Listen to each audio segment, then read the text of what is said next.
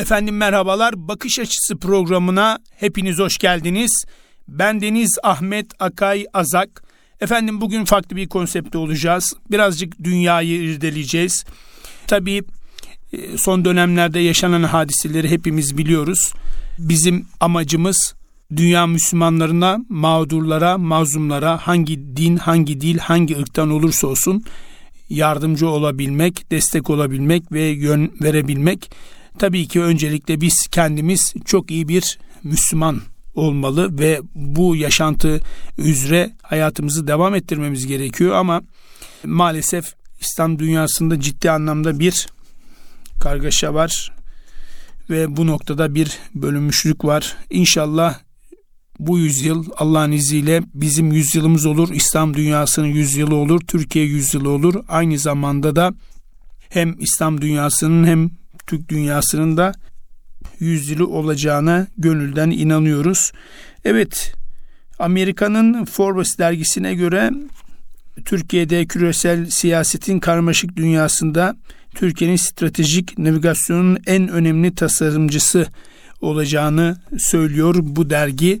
Evet dışarıdan bakıldığında yeni dönemin Türkiye'de bilhassa dış politikasını inşa edecek kadroya ve onların politik yaklaşımlarına ilişkin beklentiler açıkçası çok fazla hem dünyada hem batıda hem İslam dünyasında. Bu sebepten dolayı açıkçası bir yazarın dediği gibi biz bu kadar ufak adamlar mıyız ki şu perişan pejmürde batıya yaklaşmaya çalışıyoruz diyor. Elbette bunlar geçmişte kaldı Allah'ın izniyle. Biz lokomotif bir trenin arkasındaki vagon değil en baştaki tren olacağız. Bu bizim için önemli. Elbette batıya karşı değiliz. Biz ahlaksızlığa, haysiyetsizliğe karşıyız. Bilhassa yamyamlığa, barbarlığa, bir takım milletleri sömürü haline getirenlere karşıyız. Bu sebepten dolayı açıkçası biz insanları hiçbirine karşı değiliz. Elbette hakiki insan olan ki düzgün hedeflere doğru adımlarla yürüyen insanlara tam manasıyla destek vermeye çalışan bir milletiz. Efendim tabii Güney Kafkasya'da, Orta Doğu'da jeopolitik dengelerin hem gerek Azerbaycan veyahut da Türkiye lehine değişmesinden bu yana ciddi anlamda İran'da bir hazımsızlık sorunu var. E, bu Zengezur koridoru Azerbaycan, Türkiye ve Türk dünyası arasında ekonomik ve siyasi entegrasyonu sağlayacak önemli bir e, jeopolitik kazanım olarak e, görülüyor. Ama tabii İran kendisi açısından bunu jeopolitik bir kayıp olarak da gördüğünü biliyoruz. Pekala İran'ın Zengezur koridoruna neden karşı olduğunu aslında bir tahlil etmek lazım nacizane fakat halisane.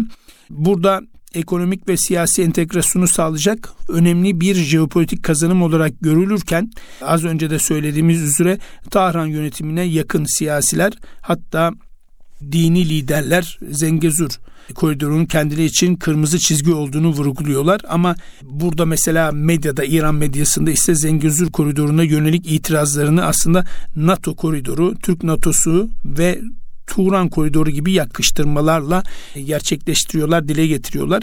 Ama koridorun hayata geçirilmesiyle birlikte aslında İran'ın jeopolitik anlamda büyük zarar göreceğini savunan İran medyası ve siyasiler bu koridorun İran, Rusya ve Çin'i çevrelemeye yönelik bir proje olduğunu da ileri sürüyorlar. Ama bunun önüne geçmek için kıymetli dinleyenler son derece agresif bir politika izlemesini e, bir nevi savunanlar elbette mevcut. Burada gerçekten İran toprakları iddia edildiği gibi Azerbaycan'ın yeniden ilhak edilmediği sürece bir kanser hücresi gibi İran'ın başına bela olmaya devam edeceğini süren de bir e, siyasi lider veya siyasi e, angajman var. Buna da tabii ki dikkat etmek lazım çünkü söylemler çok önemli. Çok dikkat edilmesi gerekiyor.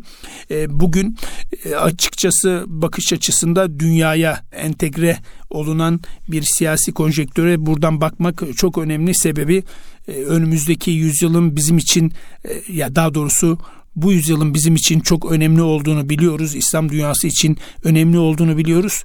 Ama bunları bilmek lazım, bunları okumak, araştırmak lazım ki sadece devletler olarak değil, toplumlar olarak, bireysel olarak da bizler ona göre yol, yöntem, yürüyüşümüzü ona göre dengeli bir şekilde sağlamamız lazım. Evet, Orta Doğu'da tabii Türkiye ile ilgili aslında bir e, şey var. Türk modelinin başarısı sadece tabii ki Türklerin değil, Arapların, Müslüman kardeşlerimizin yararını olacağını El Arabi 21 kanalı da dile getiriyor. Tabii burada açıkçası ciddi anlamda enerji ve gıda güvenliğinden tutun da tedarik zincirlerinde yaşanan sorunların aşılmasında bilhassa pandemiden sonra mülteci sorununda, Ukrayna-Rusya savaşında, Doğu Akdeniz'deki enerji denkleminde, biliyorsunuz mavi vatan dediğimiz noktalar çok önemli. Libya'da, Suriye'de, Balkanlarda yaşanan sorunların çözümünde e, Türkiye'nin oynadığı ya da oynayacağı hayati rollerin farkında olan bir Batı dünyası var ve tabi caizse Türkiye'yi kaybetme lüksü de olmadığını şahsen düşünüyoruz. Evet, Amerika Forbes dergisiyle ilgili tabii ki bir başta söylediğimiz Forbes'ın söylediği bir bilgi vardı. Onu aktarmıştık. Mesela Amerikan Foreign Policy dergisinin önümüzdeki dönemde çok iyi bir analizi var. Türkiye jeopolitik dengeleri belirleyecek 6 ülkeden biri olarak göstermesi açıkçası boşuna da değil. Tabii ki bizim Batı ile Doğu arasında kurduğumuz denge politikasını sürdüreceğimizin bir beklentisi de söz konusu. Hiç kuşkusuz Türkiye'nin ülkemizin Batı dünyası ile özellikle ABD ve AB ile yaşadığı sorunlar bir hayli fazla. Çünkü biz olaya hem insani hem İslami bakıyoruz ama onlar tabii ki böyle bakmıyorlar. Bu sorunların aşılmasının önünde ciddi zorlukların bulunduğunu mutlaka biliyoruz. Hepimiz üç aşağı beş yukarı e, dergi okuyoruz, gazeteleri okuyoruz, kitapları okuyoruz, haberler izliyoruz. Ancak her şeye rağmen her iki tarafında dengeli bir yaklaşım içerisinde olduğunu da gözlemliyoruz. Çünkü kimsenin birbirini kaybetme lüksü yok uluslararası arenada, uluslararası siyasette bu önemli. Çünkü e, küresel ekonomilerdeki sancının ortak yani bilhassa artarak sürmesi gerek dünya jeopolitiğindeki sorunların çetrefilliği bir zorunluluk ilişkisini doğurmuş vaziyette. Bilhassa pandemiden sonra çok ciddi anlamda zaten bu tedarik zincirlerinde yaşanan sorunların da aşılmasında bir ortak anlayışta söz konusu. İlişkilerde yaşanacak dramatik bir kırılma elbette her iki taraf için de önemli handikaplar barındırıyor olacak. Burada tabii ki Türkiye ile Batı dünyası arasındaki en sıcak gerilim malum İsveç'in NATO üyeliği meselesinde yaşanan hadiseler. Burada Türkiye'yi bir nevi sıkıştırma arzusu vardı. Bilhassa İsveç'in NATO üyeliğine karşılık F-35'lerin satışı noktasında bilhassa Türkiye'yi sıkıştırma noktasına gelmişlerdi. Ama Türkiye tüm bu baskılara rağmen bu bilhassa İsveç'in özellikle terörle mücadele konusundaki verdiği taahhütlerini yerine getirmeden üyelik meselesinin onayını askıda tutmadı kararlı bir şekilde Türkiye elbette ki bu noktada bizler de elimizden gelen tüm çalışmayı gayreti hem yaşayarak hem dua ederek gösteriyoruz. Tabii devletimize de Allah zeval vermesin. Bu noktada dediğimiz üzere hem İslam dünyasında hem dünyada ciddi anlamda sıkıntılar var.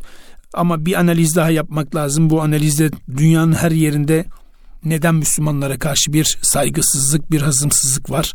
Hatta e, geçtiğimiz haftalarda Kanadalı bir aktivistin Müslüman olmayan bir aktivistin bir söylediği söz vardı.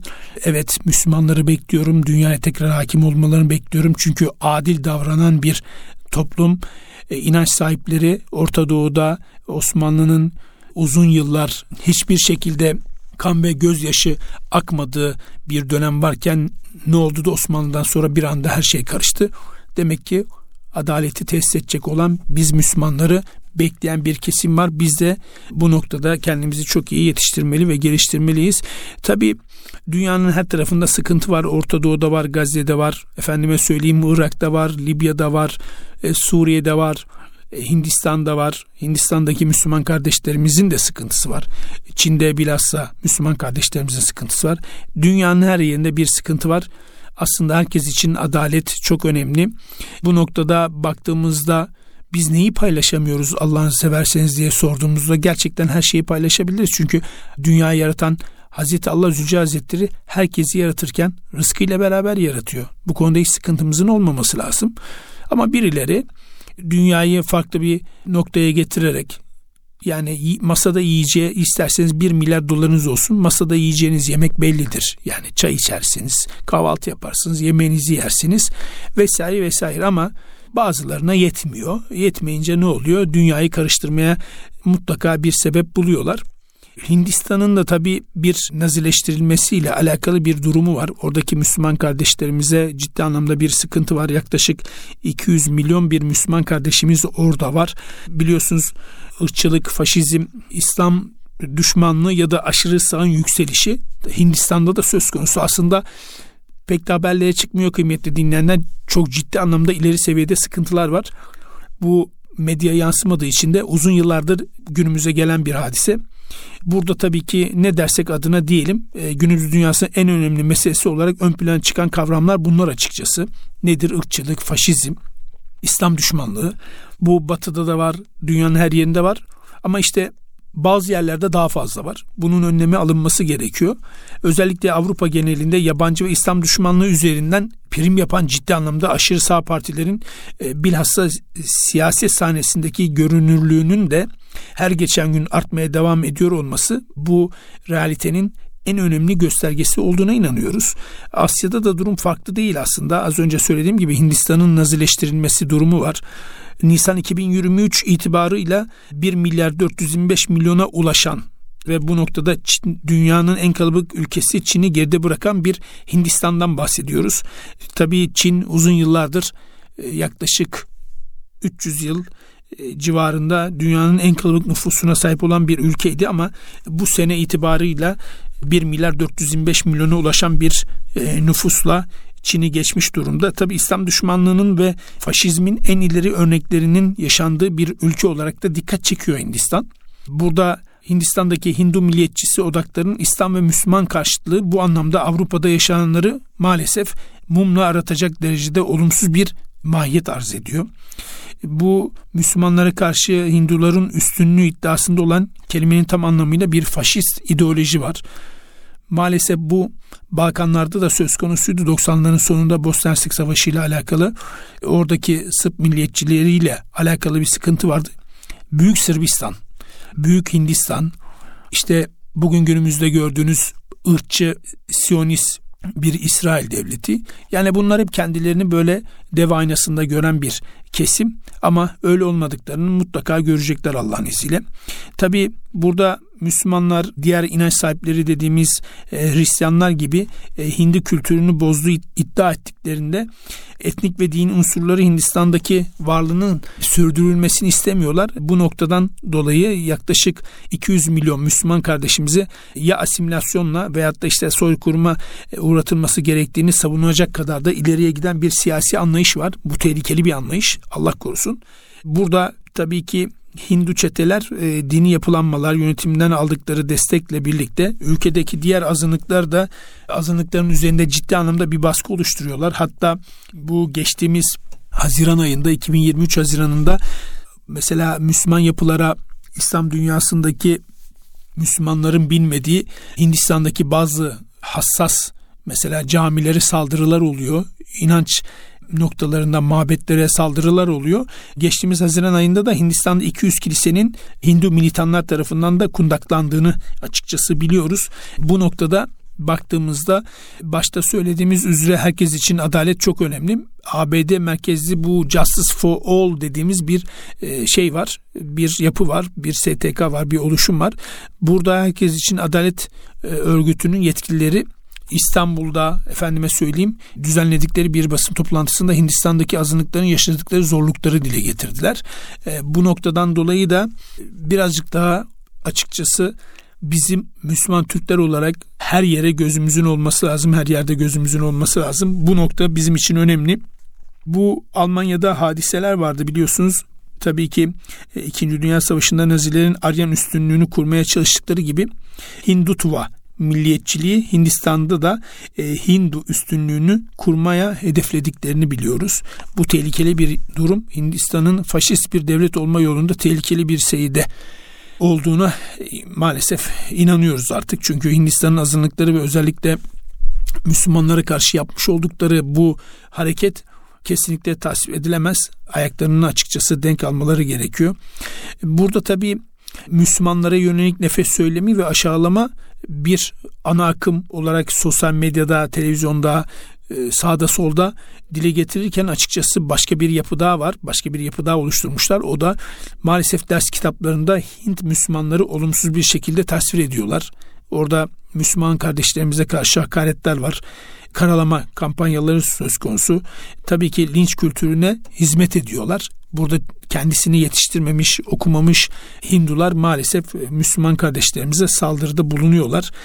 Bu tabii en önemli az önce söylediğim üzere mesela Müslümanları hedef alan katliam saldırılarla e, Müslüman nüfusu korkutarak aslında göç etmeye zorlarken bir yandan da inek eti yediği için hani Müslüman olduğu için et yiyor veyahut da inek etini ya da yemenin yanında hani yedikten sonra taşıdığı iddiasıyla Müslümanları bir nebze linç etmeye de çalışıyorlar.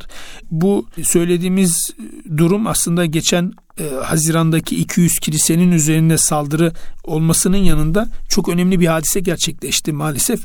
Müslümanların e, Hindistan'daki mimari mirasını da silmeye çalışmaktalar. Babri Camii'nin yıkılması bu noktada açıkçası tipik bir misal Babri Camii. Maalesef bu Hindu tapınağı olduğu iddia edilip Hindular tarafından saldırıya uğruyor ve camiyi maalesef yıkıyorlar ve günümüzdeki e, yönetimde buna ses çıkarmayıp mülkiyeti maalesef Müslümanların elinden alıyorlar.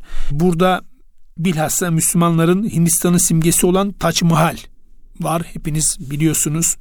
Gitmeyen kardeşlerimiz var, gidenler var. Resimlerden görüyoruz. Bu Taç Mahal saldırı altında şu anda. Maalesef Agra'daki Taş Mahal yıkılarak yerine bir Hindu tapınağı inşa edilmesi planlanmakta. Maalesef çok kötü senaryolar var. Allah bize yardım etsin, oradaki Müslüman kardeşlerimize yardım etsin. Tabii bir başka hadise de şu, e, Müslüman kardeşlerimizin Hindistan'da yaşama zorluklarından bir tanesi de maalesef ev kiralamaları. Kiralama maalesef yapılmıyor Müslüman oldukları için. Zorla hani direkt atmıyorlar belki ama burada yaşamayın kardeşim. Gidin artık siz başka bir yere Bangladeş'e gidin Bangladeş'e gidin Pakistan'a gidin başka bir yere gidin deme ifadeleri açıkçası bu. Yaşam hakkı vermiyorlar. Bundan dolayı da Müslüman kardeşlerimiz orada ciddi anlamda sıkıntılar yaşıyorlar. Evet sonuç olarak Hindistan'da faşist bir devlet maalesef var. Tehlikeli bir seyirde yol aldığını ifade ettik. 200 milyon Müslüman kardeşimiz orada e, maalesef soykırım tehlikesiyle karşı karşıya neden hep Müslümanlar? Kıymetli dinleyenler, hiç sordunuz mu? Neden hep Müslümanlar zarar görüyor? Neden yaşama hakları yok? Neden insan olarak görünmüyorlar? Neden? İşte bunların nedeni Kur'an-ı Kerim'de var. Yaşayacağız ve Allah'ın dediklerini yerine getireceğiz. Dik duracağız. O zaman işte Allah'ın yardımı gücü bizimle beraber olacak. Selçuklu'da olduğu gibi, Osmanlı'da olduğu gibi. Peygamberimiz sallallahu aleyhi ve sellem zamanında olduğu gibi. Onun için bizler uyanmalıyız ve kimilerine göre 100 yıl, kimilerine göre 150 yıl, 200 yıl diyen de var. Bu uykudan kalkmalıyız ve ayağa kalkmalıyız. Oturmak da yeterli değil bizim için. Buradaki uluslararası soykırım izleme kuruluşlarını lütfen daha dikkatli olmaları çağrısında bulunmak istiyoruz. Çünkü herkes için eğer adalet varsa sadece bu dünyadaki diğer inanç mensupları için değil tüm insanlar için yani Müslüman kardeşlerimiz için hepimiz için açıkçası önemli. Evet şimdi aklımıza şu gelebilir tek Türkiye mi var hocam? Hayır tek Türkiye yok İslam dünyasında 57 tane ülke var ama burada önemli nedenlerden bir tanesi maalesef şu andaki yani yönetimle alakalı kim Arap rejimleriyle kurduğu ticari ve stratejik ilişkiler burada ABD'nin de önderliğindeki Batı dünyasının bir nevi Çin'i çevrilemeye yönelik stratejisinden dolayı Hindistan'a duydukları ihtiyaç faşist bir yönetimin elinde gerçekleşmesi gerektiğine inanıyorlar. Hem ABD'nin hem Batı'nın Çin'le alakalı sıkıntısından dolayı Hindistan'a göz yumuyorlar. Maalesef tek Türkiye ile de olmuyor ama olması için de gayret gösteriyoruz. İslam dünyasında da maalesef bazı Arap yönetimler, liderler maalesef e, Hindistan'la kurdukları ticari ilişkiden dolayı da maalesef ses çıkarmıyorlar, çıkaramıyorlar. İşte burada şunu düşünmek lazım. Biz bugün yaşıyoruz ama yarın yaşamayacağız. Yarın nerede olacağız? Bugün yataktayız ama yarın da toprakta olabiliriz. Buradan yola çıkarak aslında şunu düşünmemiz lazım. Biz öldükten sonra Allahü Teala Zülce Hazretleri'nin huzuruna geçtikten sonra biz ne söyleyeceğiz? Ne yaptık? Müslüman kardeşlerimize yardımcı olabildik mi? Yoksa kendi koltuğumuza sahip çıkabilmek için duymadık mı, görmedik mi, işitmedik mi, konuşmadık mı? Hangisini yapmadık? Veyahut da tam tersi bunları gerçekleştirdik mi? Evet Müslümanların yanında mı bulunduk? Kardeşlerimizin yanında mı bulunduk? Mağdur ve mazlumların yanında mı bulunduk?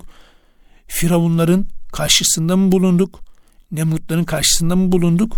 Bunlar işte bizim nerede duracağımızın aleni noktası kıymetli dinleyenler.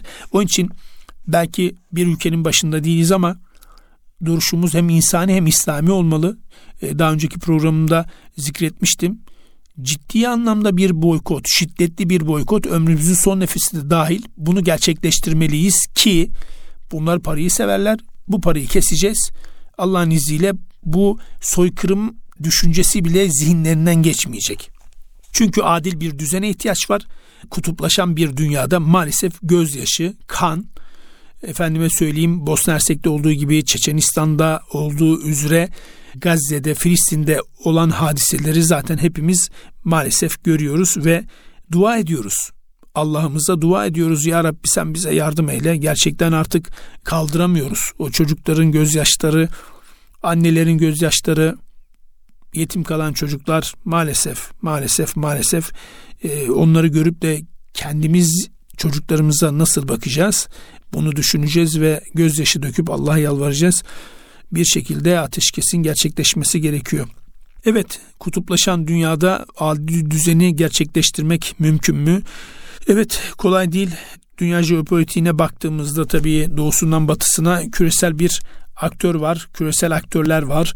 Bölgesel güçleriyle konvansiyonelinden tutun da vekaletine burada e, ekonomi ve enerji savaşlarına varıncaya kadar gerilim hattı ciddi anlamda dolu bir gündemde oluşturuyor. Sadece ekonomik ve enerji e, sadece gerilimi yok. Bundan sonraki maalesef bir başka savaş da var. O da su savaşları. E, bu yüzyılda su savaşlarının olacağını düşünmeye başladım ben. Çünkü ciddi anlamda bir susuzluk var.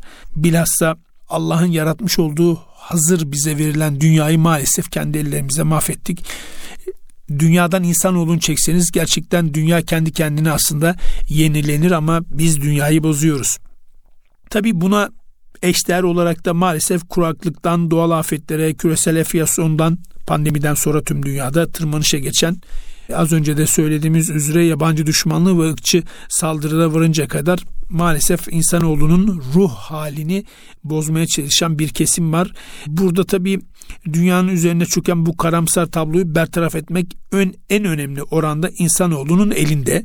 Yani dedim ya az önce dünyadan insanı çeksen hakikaten dünya kendi kendine yenilenir. Biz dünyayı maalesef bozuyoruz.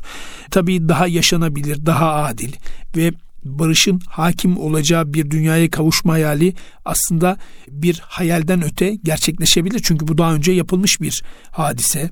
Hem peygamberimiz döneminde sallallahu aleyhi ve sellem döneminde, Selçuklu döneminde, efendim Osmanlı döneminde hatta ben size bu pek anlatılmıyor. Ben konferanslarımda nacizane fakat alisane kardeşlerimize biz anlatıyoruz. Endülüs'te de bu gerçekleşti. Batı'nın kalbinde de gerçekleşti. 711-1492. 19 Temmuz 711'de Tarık bin Ziyad'ın 12 bin kişilik İslam ordusuyla birlikte İspanya'ya Batı'nın kalbine girdiği anları okuduk biliyoruz.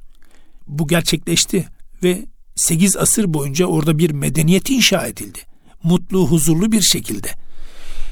Evet ondan sonra maalesef İspanya'da 1492 en son Granada'dan sonra tabii sıkıntılar düşer oldu. Pasak'ta e, e, Isabella ve kuzeni maalesef orayı bertaraf etti ve bugünkü İspanya ortaya çıktı. Evet burada bir başka sorun var. O sorunu aslında dile getirmek lazım. Bu sorun nedir diye insanlar kendi kendilerine sorabilirler. Ama küresel düzende maalesef ama maalesef yani üzücü bazen böyle ya şaka mı acaba diye de insan bazen içinden geçiriyor olabilir ha. Gerçekten öyle. Yani bu beşli çete dediğimiz bir çete var. Hatta Cumhurbaşkanımız da bunu dile getirmişti. Dünya beşten büyüktür diye. Gerçekten öyle istedikleri gibi atı oynatıyorlar. Hani bir sistem kurulmuş zamanda ama bu sistemde kendileri istediği atı oynatıyor. E mağdur olan veyahut da mazlum haklar ne olacak? Ülkeler ne olacak? Kardeşim ben istemiyorum. Burada bir yanlış hadise var deyip el kaldırıyorsun. O beşli denilen bir çete var. O güvenlik konseyi efendime söyleyeyim beşli çete dediğimiz Çin, Amerika, Rusya, Fransa, efendime söyleyeyim İngiltere. Bunlar el kaldırdığı zaman iş bitiyor. Her şey iptal. Ama burada bir sorun var. Hayır. Bizce bir sorun yok. El kaldırdık. Bizce bir sorun yok. Ama kendileriyle ilgili bir sıkıntı olduğu zaman bu sefer tam tersi olduğunda hayır burada bir sıkıntı var. Biz el kaldırdık diyorlar ve maalesef küresel adaletsizliğin taban yaptığı, taban yaptığı güçlünün haklı, zalimin zulmünün yanına kar kaldığı maalesef terör devletlerinin dünyanın jandarmalığını üstlendiği adil olmayan hem de ciddi anlamda hiç adil olmayan çarpık bir düzen hüküm sürüyor bu dünyada. Tabii ki bu çarpık düzene isyan büyüse de adil bir dünya maalesef tesis etmenin önündeki engelleri aşmak hiç de kolay gözükmüyor kıymetli dinleyenler. Daha önce bunu Cumhurbaşkanımız dile getirmişti. Dünya beşten büyüktür diyerek uluslararası sistemin çarpıklığının dünya kamuoyuna haykırmıştı. Tabi birilerinin kulağı aslında bunları duydu. Bazılarının gözleri açıldı. Tabi Birleşmiş Milletler'in dünya güvenliğinin teminatı olmaktan çıktığını hepimiz biliyoruz. Burada tabii ki beş ülkenin siyasi stratejilerin çarpışma alanı haline geldiğini de görüyoruz. E, diğeri oradan diyor ben e, istemiyorum, diğeri oradan diyor ben istemiyorum ama bu taraftan da e, ülkeler diyor ki kardeşim burada bir sıkıntı var diyor. El kaldırıyor ama yok kabul edilmiyor. Tabi dünya barış açısından da bir sıkıntı söz konusu. Onun için uluslararası sistemin Cumhurbaşkanımız da burada dile getiriyor. Yani köklü bir reforma tabi tutulması gerektiğini aslında dile getiriyor ve birçok ülke ve çevre tarafından da artık dilendirilmeye başlandı hamdolsun. Bu çarpık düzenin en önemli müsebbibi Amerika Birleşik Devletleri, ABD dahil Birleşmiş Milletler'de reform talebini şimdi destekliyor. Çünkü niye? Daha adil bir dünya için değil açıkçası. Amerika Birleşik Devletleri'nin destekleyiş sebebi şu. Rekabet içinde olduğu e, hasımları var. Nedir? Çin, efendime söyleyeyim kıymetli dinleyenler Rusya. Tabii Rusya'nın e, Birleşmiş Milletler üzerindeki etkisini zayıflatmak için istiyor bu sözde reformu. Az önce söyledim ya kendilerine eğer zarar geliyorsa el kaldırıyorlar. Olmaz diyorlar. Ama vatandaş istiyor, halklar istiyor. Yok olmaz. Ama bu sefer vatandaşların istemediğine kendisine bir zarar geldiğinde yine el kaldırıyor. Diyor ki bu sefer bana zararı var. Onun için bu etkileri zayıflatıp kendince bir reform oluşturmak istiyor. Evet burada tabii ki sadece Türkiye değil aslında Brezilya, Almanya, efendime söyleyeyim e, Japonya'nın oluşturduğu G4 grubu var Birleşmiş Milletler'de. Bu bu grup mesela reform yapılmasını isteyen ülkeler arasında yer alıyor. 54 üyeden oluşan bir de Afrika grubu var. Orası da ciddi anlamda çok e, kalabalık hem nüfus olarak hem ülke sayısı da ciddi anlamda yüksek. Mesela orada bir e, grup var. 26 üyeli bir şey var. E, Birleşmiş Milletler'e üye olan Arap ülkelerini oluşturduğu bir Arap grubu da var. Burada tabii bu grubun reform önerilerini açıkçası destekliyor olmamız da lazım. Herkesin birbirini desteklemesi lazım ki daha adil bir dünyanın, adil bir düzenin, adil bir dünyanın e, ortaya çıkması eşdeğer olacaktır. Kim için? Hepimiz için. Bu da önemli. Tabii burada daimi 5 e, üyenin hegemonya savaşındaki kutuplaşmaya bakıldığında da yani bu noktada bir hayli zor olduğunu görüyoruz ama kesinlikle kıymetli dinleyenler e, şey yapmıyoruz e, hedefimiz var. Üzülmüyoruz.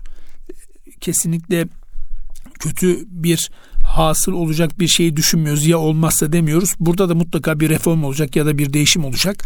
Ee, biz inanıyoruz ki Karabağ'da nasıl Müslüman kardeşlerimiz, Azerbaycanlı kardeşlerimiz bizler de e, Türk milleti olarak destek verdik. E, çok ciddi anlamda 30 yılın üzerindeki bir sıkıntıyı ciddi şekilde böyle gerçekten Allah'ın izniyle çok rahat bir şekilde yani 44 günlük bir e, çalışma ile hızlı bir şekilde orayı ele geçirdik. Yani Allah'ın izniyle daha da iyi olacak. Çünkü Azerbaycan'da da 2020'de bu 44 gün sürmüştü bu Karabağ zaferi. Tabi 2020'de yarım kalan mesele geçen geçtiğimiz aylarda biliyorsunuz 24 saat süren antiterör operasyonuyla aslında tamamlandı. Bu neydi? Han kendi başta olmak üzere Karabağ'ın tamamı Ermeni çetelerinin elinden alındı Allah'ın izniyle. Evet bu Hindistan'daki sorunlar, Karabağ'daki sorunlar, Gazze'deki sorunlar, efendime söyleyeyim Pakistan'daki sorunlar, Hindistan'daki sorunlar, Libya'da, Irak'ta, Suriye'de aman Allah'ım her yerde bir sorun var ama bu sorunları çözecek olan Müslümanlardır. Başka hiçbir millet değildir. Çünkü Allah'ın vaat ettiklerini biliyoruz. Kur'an-ı Kerim'de okuyoruz ama okumanın yanında araştırmalı, kendimizi geliştirmeli, ibadetlerimizi tam manasıyla yapmamız lazım. Hepimizin eksiği var. Allah bizlere yardım etsin. Ama dediğimiz gibi biz eğer Allah'ın söylediklerini, Allah'ın yap dediklerini yerine getirirsek ve en önemlisi de bunları gerçekleştirdikten sonra da Allah'ın yardımına inanırsak amenna ve sattakna biz inanıyoruz ki Allah bize yardım edecektir. Hatta biz inanıyoruz ki şu anda Gazze'de görünmeyen orduların Müslüman kardeşlerimize destek olduklarına inanıyoruz. Bununla alakalı da bir hadise söz konusu. Biliyorsunuz ki orada Gazze'li kardeşlerimiz bir çatışma sırasında 3 kişi olduklarını söylüyor ama karşı taraftaki militanlar diyelim terör devleti İsrail askerleri de orada 3 kişi değil daha fazla 10 kişi ve 10 kişinin üstünde olduklarını söylüyorlar. Biz inanıyoruz ki burada Allahu Teala Zülcelal Hazretleri'nin yardımı var. Amenna ve sattakna. Biz burada dikkat etmemiz gereken hadise çok basit. Biz kimiz, geçmişimiz ne? Biz buna bakacağız. Radyosunu yeni açanlar için tekrar edelim. Gerçekten bu notu çok önce almıştım. Yıllar oldu belki de. Bir yazarın dediği gibi biz bu kadar ufak adamlar mıyız ki şu perişan pejmürde batıya yaklaşmaya çalışıyoruz. Nasıl çalışıyoruz? İlla devlet olarak çalışmak değil, toplum olarak da yakınlaşabiliyoruz. Onun için biz kendimize çeki düzen vereceğiz. Ne olduğumuzu iyi analiz etmemiz gerekiyor ve Allah'ın bize emrettiği gibi dost doğru yaşayacağız. Peygamber Efendimiz sallallahu aleyhi ve sellemin çizgisinden ayrılmayacağız. Onun için Allah şu dua olmaz şöyle bir dua olmaz. Allah bizi İslam'dan ayırmasın. Allah ayırmıyor ki. Bu dua yanlış bir dua. Biz şöyle dua etmemiz lazım. Allah bizim ayağımızı İslam çizgisinde sabit kılsın. Böyle dua etmemiz lazım. Onun için bazen yolda giderken otobüste, efendime söyleyeyim metroda, Marmaray'da ve toplu taşımalarda gerçekten çok enteresan şeyler görüyoruz. Bazen bunu sosyal medyada veya televizyonda e, televizyonda da görüyoruz, dinliyoruz hatta. Yani enteresan şeyler var. Yani Allah bozmasın. Allah bozmuyor ki sevgili kardeşim. Gerçekten çok enteresan. Bunlar nasıl bizim dilimize girmiş, zihnimize girmiş ben anlamıyorum. Allah bozmuyor ki. Vatandaş kul bozuyor, kendisi bozuyor. Sen Allah'a suç atamazsın ki haşa, sümme haşa. Onun için biz burada kendimize çeki düzen vermemiz lazım. Dilimizi dost doğru etmemiz lazım, kılmamız lazım. Bundan mütevellit hayatımıza bir çeki düzen verirsek biz inanıyoruz ki bu yüzyıl bizim olacak Allah'ın izniyle tüm dünyadaki mağdur ve mazlum insanlara yardım edeceğiz. Allah'ın yardımı bizimle olacak inşallah. Kendinize çok dikkat ediniz. Allah'a emanet olunuz. İnşallah önümüzdeki hafta aynı gün ve saatte tekrar görüşmek ümidi ve dileğiyle. Hayırlı günler diliyorum kıymetli dinleyenler.